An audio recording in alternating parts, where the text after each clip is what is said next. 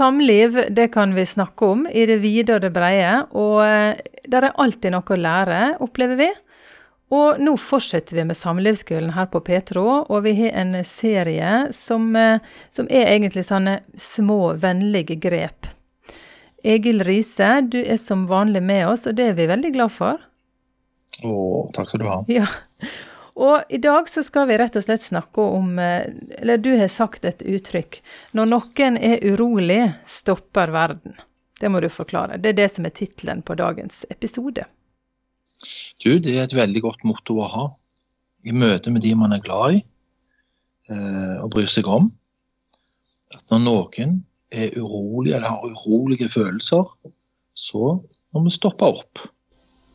Hm. Det det egentlig refererer til, det er at um, det er flere ting. Det ene er at vi vet at hvis vi, skal, hvis vi er urolige og skal roe oss sjøl, så kan vi gå på kurs og lære mange stilige teknikker for å falle til ro sjøl og tenke riktig og sånn. Men det er lettest å falle til ro hvis vi er sammen med noen vi stoler på. Det er assosiert med liksom komme i en trygg favn. Og Derfor er det sånn at hvis jeg møter noen som er urolige, som jeg er glad i, eller andre sånn, så er jo målet mitt å smitte dem med min ro. Så hvis jeg er til stede, så går det bra. Men kan det fort bli litt omvendt, Egil? At hvis den andre er urolig, så blir jeg òg urolig? Så, så, er det en oppfordring til at eh, prøv å holde på roen, du i alle fall. Og hjelp den andre til å finne den tilbake. Det var veldig eh, fint eh, sagt. Du vet, det har litt med forskjellige ting å gjøre. Det ene er at hvis man at noen, det er litt sånn grunnleggende filosofier.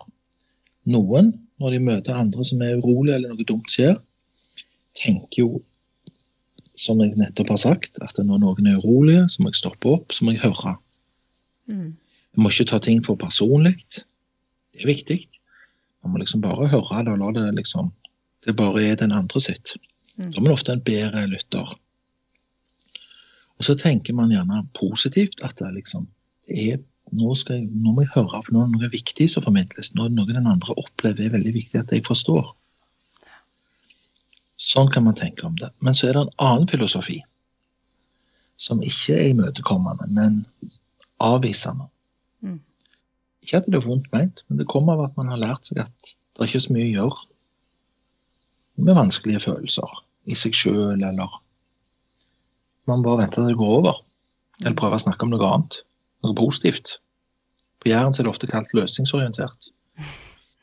Og det, det, det er bare at man man ikke orker å snakke om hva det egentlig handler om, Mm. så vil man skifte over til noe bedre med en gang.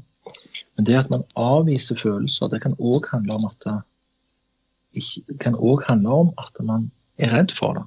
Man forbinder det med noe skummelt. Så hvis noen er triste, så kan man være redd det er liksom depresjon, eller jeg har gjort feil, eller hvis noen er redde, så kan man tenke at dette kan ta helt av. Eller hvis folk er sinte, så kan man bli redde for aggresjon. Man er rett og slett litt sånn redd for at noe er dramatisk, eller at det er ødeleggende å snakke om vanskelige ting. Mm. Så målet blir på en måte å stoppe at den andre gir uttrykk for det den andre føler. For da tenker man at verden er bra. Når ingen snakker om det vanskelig, så er det bra. Ja, det er mening? Ja, men Ja. det er ikke rett å gjøre sånn, da, vil du si. Du vet, Det du går glipp av da, det er at eh, du går glipp av intimitet og tillit Mm. i den relasjonen. Så det å være til stede når de andre er urolige, sårbare, det er et godt sted å bygge tillit. Jeg har jo vært eh, familieterapeut i lange, lange tider og har møtt eh, holdt på å si, tusen par. Og da er det sånn at Hvis man har tillitsproblemer i et forhold, hvis det da var noe rusk rundt fødselen, så kommer det alltid opp. Sant? For det er ofte der, hvis man får barn tidlig, så er det gjerne der sårbarheten var størst først.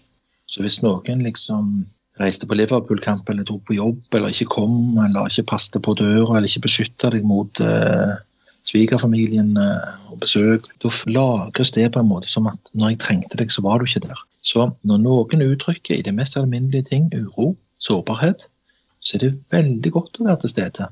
Fordi det bygger tillit. Det er ikke, det er ikke sånn at det ødelegger noe. Det blir verre av at du hører på at noen er misfornøyd med deg. Men de stoler på at du er der. Mm. Det bygger forholdet, rett og slett. Er Det bygger forholdet. Det er som å sjekke om du er solid. Det er litt sånn. Så her er det et lite motto. Tenk sånn heller når noen er urolige. Når noen er urolige, viser følelser, så er det litt sånn som når flyalarmen går. Stans alt. Lytt til radio. Viktig beskjed. Sånn sier man i Sivilforsvaret. sant? Mm. Viktig melding. Sånn er det bra å tenke. Jeg vil bare si noen har ritualisert dette. Det er litt sånn kongen i statsråd. Samfunnet vårt er bygd opp sånn at eh, hver fredag så går de som statsrådene til han som ikke bestemmer noen ting, nemlig kongen. Forteller hva de handler om, og så går de igjen. Vi har jo liksom et samfunn der han som bestemmer ingenting, vet mest gjennom tiårene om hva som har foregått. Vi styrer oss til. Men det er en god vane å ha å sette seg ned og snakke om hva er tilstanden, hva er det vi holder på med.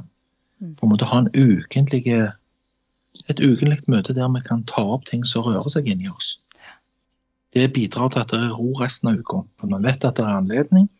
Eh, nei, Det er en veldig god idé. Kongen i statsråd, det, det burde vært en sånn eh, For de som har det, så er det veldig hjelpsomt. For de Mm. ekteparene som har det. Veldig god idé.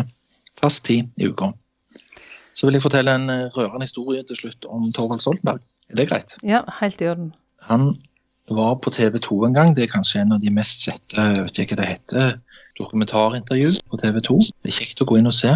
Rørende. Der man intervjuer Torvald Stoltenberg og datteren hans. Hun hadde jo utfordringer. Så mens han på 90-tallet forhandla fred på Balkan i ukene, så var altså datteren kommet vekk, så han var hjemme noen ganger på netter og i helgene og gikk og lette etter Og så beskriver han i dette intervjuet at en kveld så, så får han øye på henne noe på ganske bra avstand. Og så stopper han opp, og så får hun øye på han. Og begge to forteller hvordan det var å møtes, eller se hverandre. Så spør intervjueren hva tenkte du da? Eh, og da sier han da tenkte jeg som en jeger, sier Torvald. Så stusser man litt, liksom. Det er dattera di, tenker du som jeger. Men så sa han nei, da tenkte jeg hvis jeg beveger meg nå, da forsvinner hun. Eller hvis jeg beveger meg nå, da mister jeg henne. Så betydningen av i avgjørende øyeblikk å falle til ro for ikke å skremme den andre, det er priceless. Og det kan gjøre at den andre tør å nærme seg deg. Stay calm. Ikke rør deg. Fall til ro. Lytt til den andre. Og for at du ikke skal komme i sånne dramatiske situasjoner, prøv å ha ukentlige møter eller samlinger der du faktisk bestemmer at du vil spørre etter er vi ok, er det noe vanskelig mellom oss, kan vi høre litt sånn hvor er vi nå? Mm. Det er veldig godt for forholdet. Så heretter setter vi kongen i statsråd i almanakken. Knallgodt sagt. Takk for i dag. Takk for i dag.